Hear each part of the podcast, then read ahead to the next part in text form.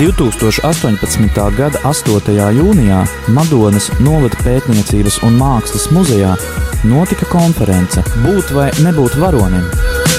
Piedāvājam ieskatu šajā konferencē.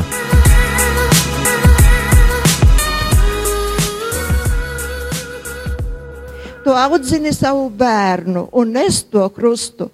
Kāpēc tev vēl jāuzņemās eh, vēl eh, tā vīrieša, vēl varbūt grēki, varbūt vīrietis tas? Tieši varbūt tās varētu arī, varbūt arī baznīcas pārstāvji mums palīdzēt, jo šī doma nāk no, no tautas, jā, un viss ir tagad to atbalsta, bet tad jautājums par to svēto laulību, jā, kā viņi ir, kā mēs viņu varam skaidrot.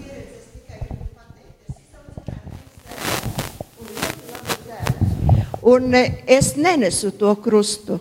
Es atstāju to vīrieti, lai viņš nes pats savu krustu. Mums katram jānes pašam savs krusts.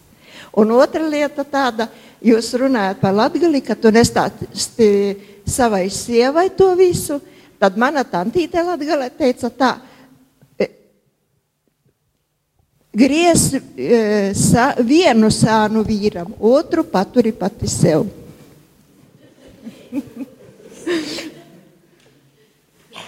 Runājām par universālajām varonībām, meklējām universālās varonības definīciju. Un es tagad jau nevaru, jo paspēt pie visiem uh, jautājumiem, bet jautājums tā tad jau ir skaidrs. Es kāds desmit gadus esmu braucis mājas vizītēs kā ārsts, kas um, palīdz uh, alkohola abstinences gadījumā, tad, tad, nu, tad, tad uh, ārstē, tad, kā tautā saka, paģirs. Un, ziniet, un, un praktiski 99% gadījumu man nācās sastapt tātad šo te alkoholiķu sievas, kuras izskatījās nelaimīgas, kuras sejās bija rakstīts, ka viņas to nav pelnījušas, uh, ka tāds vīrs, kāds viņām ir, nav taisnīgi viņai iedalīts. Respektīvi, viņa ir kopā ar, fantā, ar savu fantāziju par to, kā būtu jābūt, nevis ar reālu vīrieti, kāds ir. Ja? Uh, Šī ir ārkārtīgi svarīga lieta, manuprāt. Un es to sapratu vienā reizē, kad es uh, aizbraucu uz vienu māju, un tur ir viena, viens Baltkrievu pāris, man liekas, viņi arī katoļi bija. Un es skatos, šitā ir pilnīgi cita sieviete.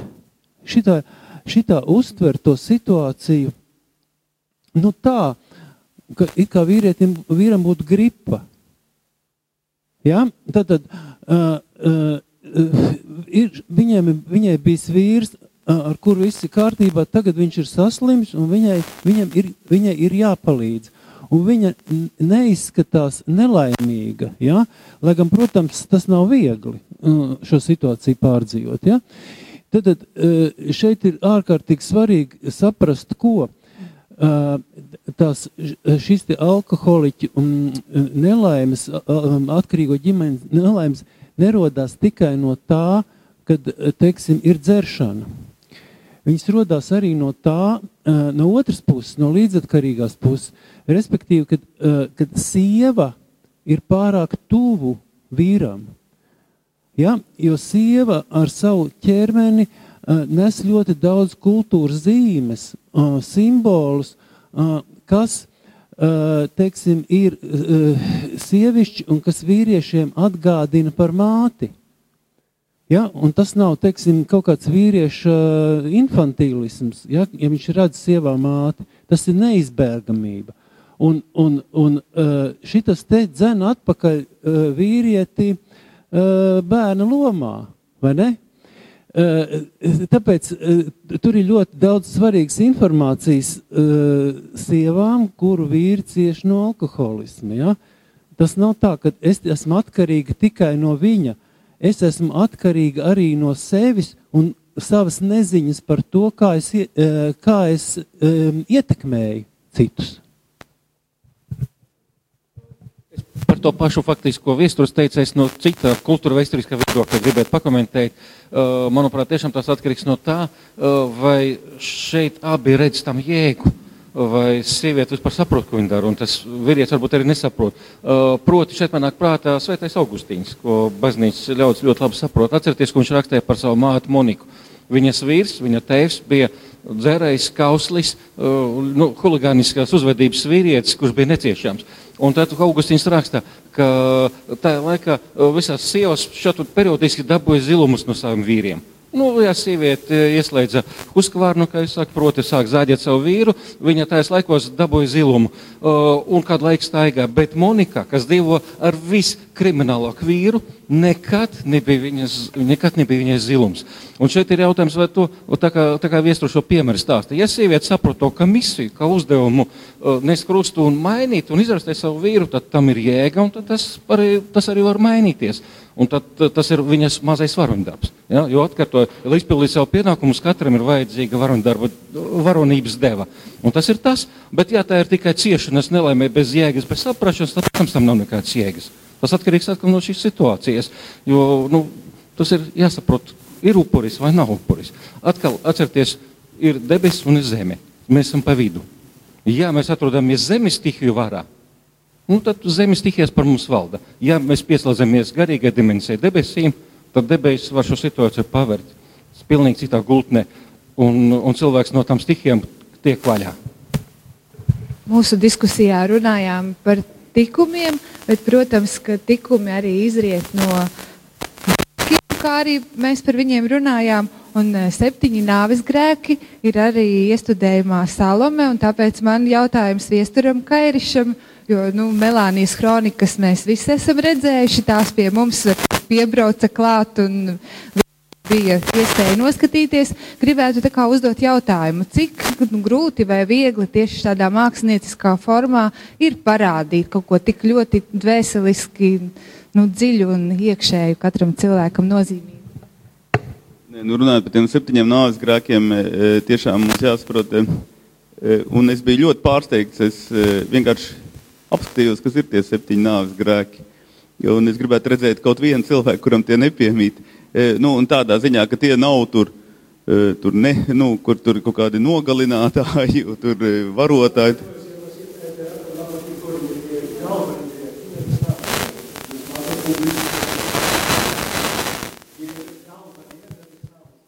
Nu, kā septiņi nāves grēki ievadiet uh, Google un jums iz, iz,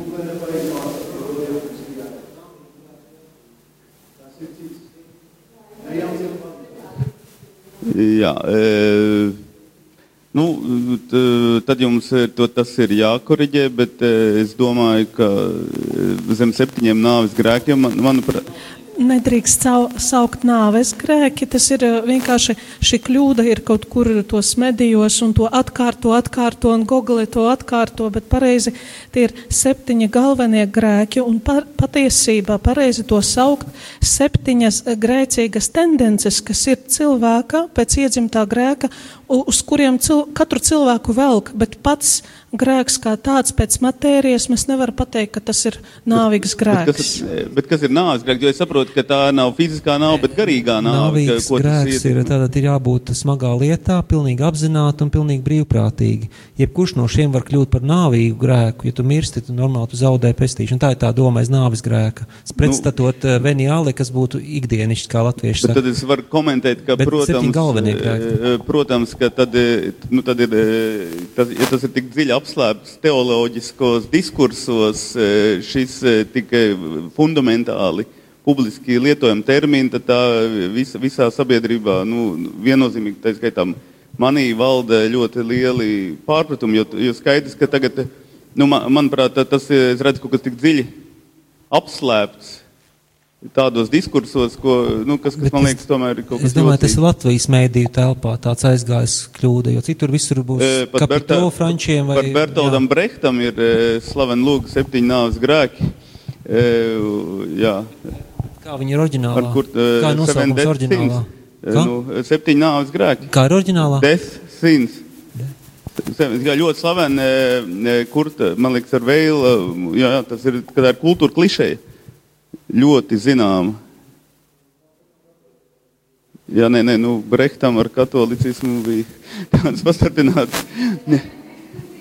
nē, nē, nu tādā ziņā tas ir ļoti interesanti, jo, jo nāvis grēka termins ir ļoti, nu, tas ir nu, tāda, nu, tāda kultūra klišeja, nu, tā, tā ir ļoti svarīga nu, terminoloģija, un, un ne, tā, tā ir skaitā man, personīgi man, kas nepārzina teoloģisko diskursu, galīgi nemaz apziņa ka tiek runāts nevis par fizisko nāvi, bet par garīgo nāvi, man liekas, daudz nozīmīgāks. Ja tie ir kaut kādi galvenie grēki, man tie kaut kādā veidā zaudē to nozīmi tik lielā mērā. Nu, jo nu, tad ir galvenie, ir mazāk galvenie.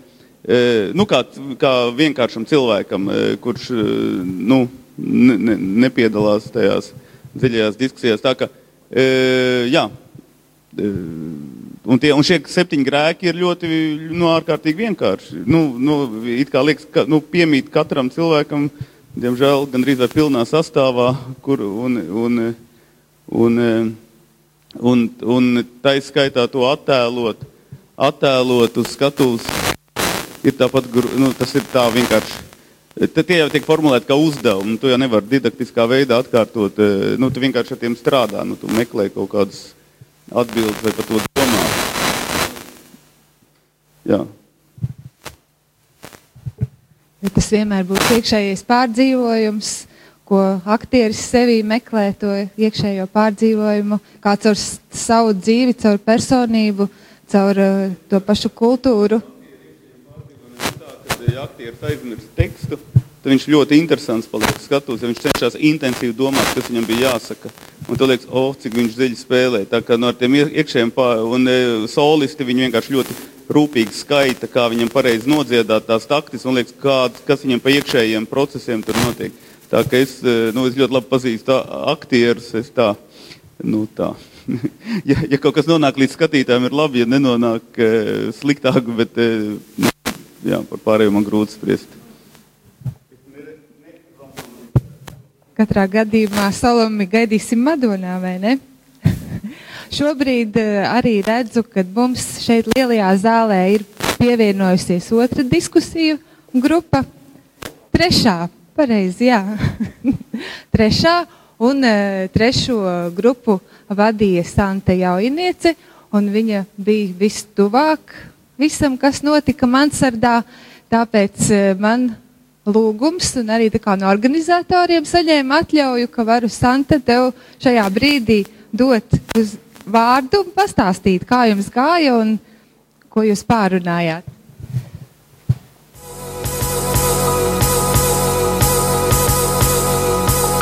2018. gada 8. jūnijā Madonas novada pētniecības un mākslas muzejā notika konference Būt vai nebūt varonim. Piedāvājam ieskatu šajā konferencē.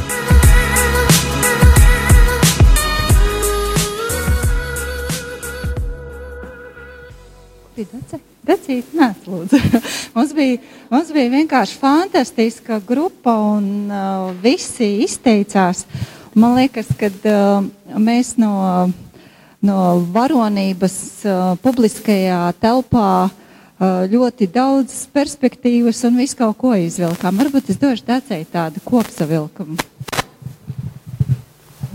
Paldies, mans vārds ir Dats Tirāne. Uh, Man pašai bija mazliet bail iet uz to grupu, jo man likās, ka ik viens izmantos izdevību kaut ko sliktu pateikt par žurnālistiem. Um, nu, tas ir normāli, tā tam jābūt. Uh, bet man patika, jo grupā bija ļoti daudz aktīvu cilvēku, un es, uh, godīgi sakot, neko ļoti jaunu jums nepateikšu. Neko pie tādas ļoti uh, mega atklājumiem mēs tā kā nenonācām, bet man pašai likās interesanti, ka mēs padiskutējām par dažiem varoņiem, piemēram, par Ansi Atolu Bērziņu, vai viņš ir šodienas varonis vai nav varonis, un kāda ir mēdī loma attiecībā uz viņu, kāpēc, piemēram, mēdī par viņu stāsta vai nestāsta. Es izstāstīju arī šos um, savus redzējumus, un uh, mēs nonācām pie secinājuma, ka tas, um, varbūt var apsēsties, ja? Um, kā mēdīji stāsta par kādu varoni, kā viņi izvēlas, par kuru varoni stāstīt, ir ļoti atkarīgs no paša mēdīja, no mēdīja vērtībām. Uh, Respektīvi, un arī ļoti daudz, manuprāt, no žurnālistu profesionalitātes. Es varētu gāzt vairākus mītus šeit, kad žurnālisti ir ļoti korumpēti un tā tālāk un tā tālāk. Un es zinu, kad valda mīti par lielām sazvērestības teorijām, bet es teikšu godīgi, ļoti daudz kļūdas žurnālistikā rodas dēļ tā, ka ir vienkārši kļūdas, dēļ neprofesionalitātes, dēļ tā, ka tu neesi noskaidrojis citu viedokli, dēļ tā, ka tev nav pieticis laika, dēļ tā, ka kaut kas ir noticis un tā tālāk un tā tālāk. Tie mīti par to, ka kādreiz ir kāds viedoklis vairāk, tas nozīmē, ka tev ir samaksāts vai ka tev ir, piemēram, vēl kaut kāda politiski ietekmēts tas un tā tālāk un tā tālāk. Ļu, Protams, ka tādi gadījumi ir, bet lielā mērā visas kļūdas žurnālistikā rodas dēļ neprofesionalitātes, un tā ir man vislielākā pārliecība. Tātad mēs eh, nonācām pie slēdziena, ka tātad par tas, par kādu varu, no ko par varona mēdī izveidoja, ļoti atkarīgs no paša mēdī, no viņa vērtības skalas Un par to, kā žurnālisti par viņu pastāsta, es saņēmu kritikas, ka mēs pārāk maz stāstam par jauniem cilvēkiem. Ņemšu vērā, ka daudz jāstāsta par jauniem cilvēkiem, uh, lai iedvesmotu gan pārējos cilvēkus, uh, gan arī sabiedrību.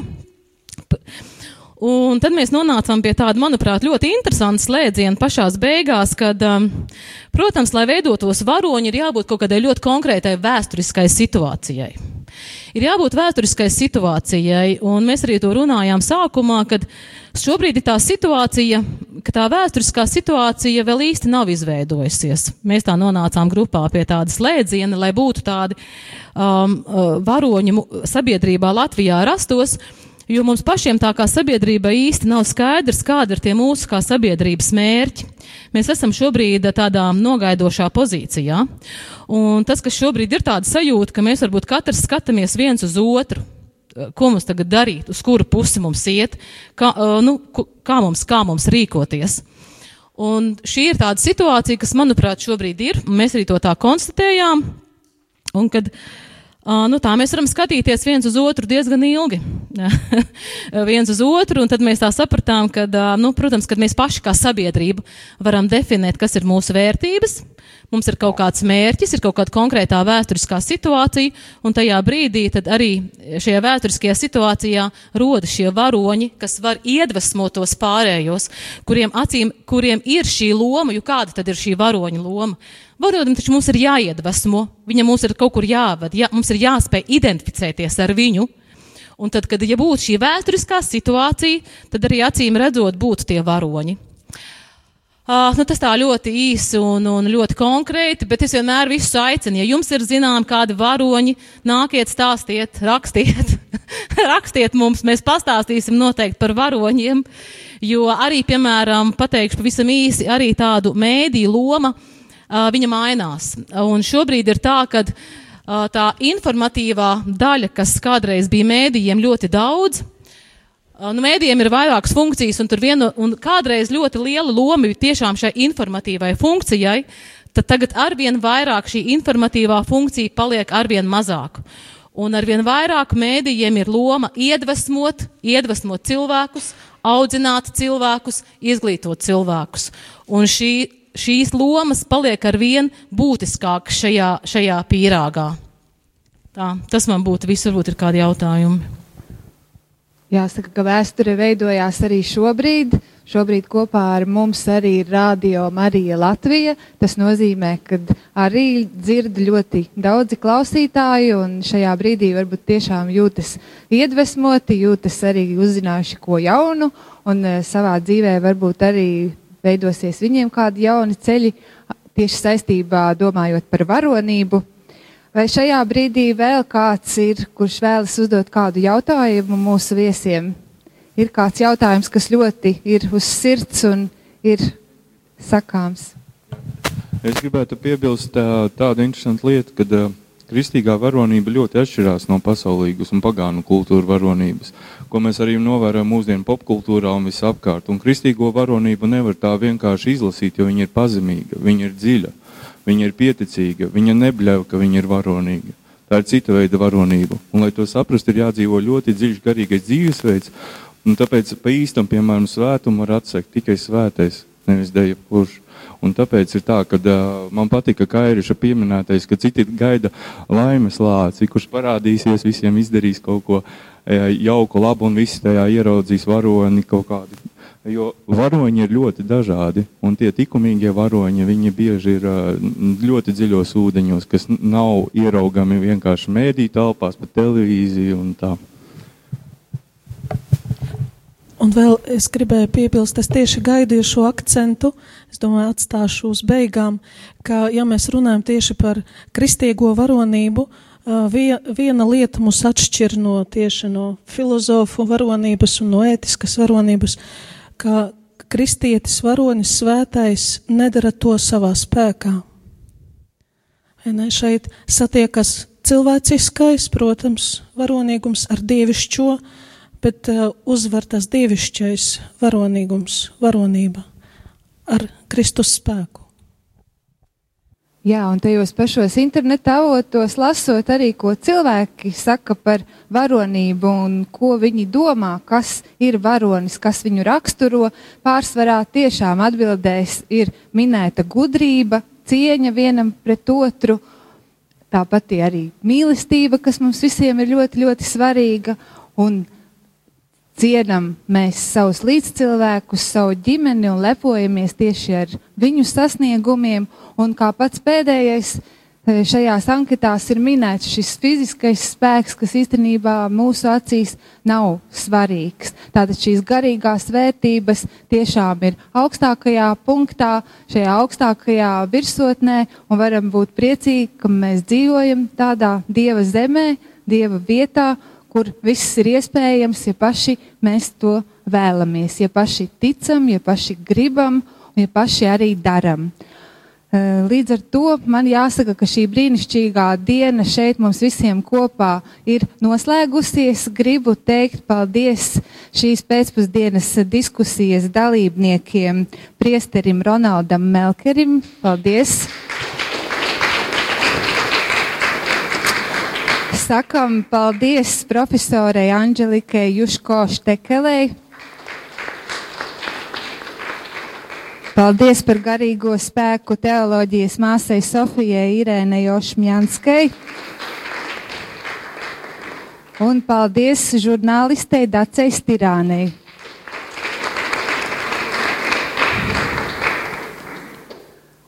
Liels paldies visiem par klātbūšanu! Protams, eh, mēs aicinām jūs visus nesteigties projām, jo arī muzejs un uh, Madonas Kristus karaļa katoļu draudze ir sagādājusi uzkodas, kuras atrodas uh, muzeja telpās. Tāpatās arī lūdzu apskatiet muzeja izstādes, savā starpā diskusijas varat turpināt un arī dalīties ar viedokļiem vēl. Ceram tikties nākošajā gadā ceru, ka šī tradīcija tiešām turpināsies, un visi fondi, kuri ir atbalstījuši, kā Valsts kultūra kapitāla fonds, kā Vidzemes plānošanas eh, reģions un uh, akciju savienība Latvijas valsts meži, uh, vēl daudzus gadus atbalstīs šo aktivitāti, un uz tikšanos jāsaka nākošajā gadā. Vēlētos teikt paldies Kristīnai Šulcei par pasākumu moderēšanu. Paldies. Uh, Santa augšā par pasākumu moderēšanu. Es ceru, ka es neaizķeršos. Paldies. Un uh, es domāju, ka es vēlētos izcelt savu kolēģi Līgu tomēr, kuru uzņēmās šo te um, uh, ideju realizēt. Uh, Tā bija, mēs tikāmies pirms diviem gadiem, tā bija pirmā garīgā konference, un tad jau mums pavīdēja, Līga vēl nestrādāja pie mums, bet jau nu, pavīdēja, kad var, vajadzētu vēl kaut ko tādu, cik Rīgā ir forši, Rīgā, Rīgā ir daudz lekciju, varbūt sanāktu, un redz, pēc diviem gadiem Līga to izdarīja. Paldies, Līga!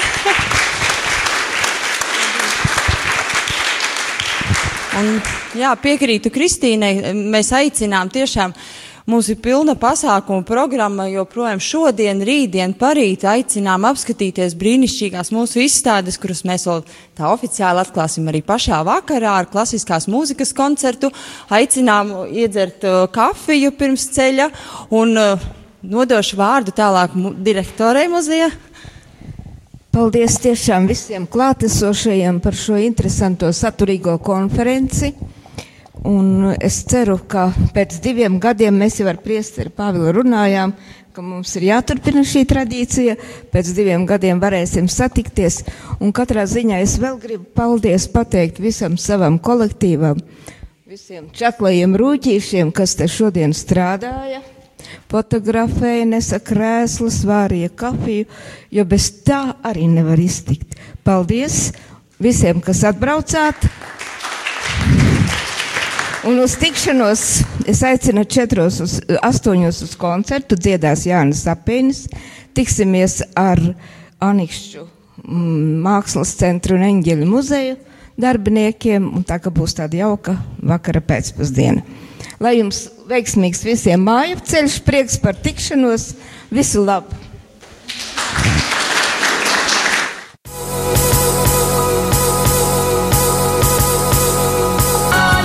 Izskanēja ieraksts no konferences Būt vai nebūt varonim.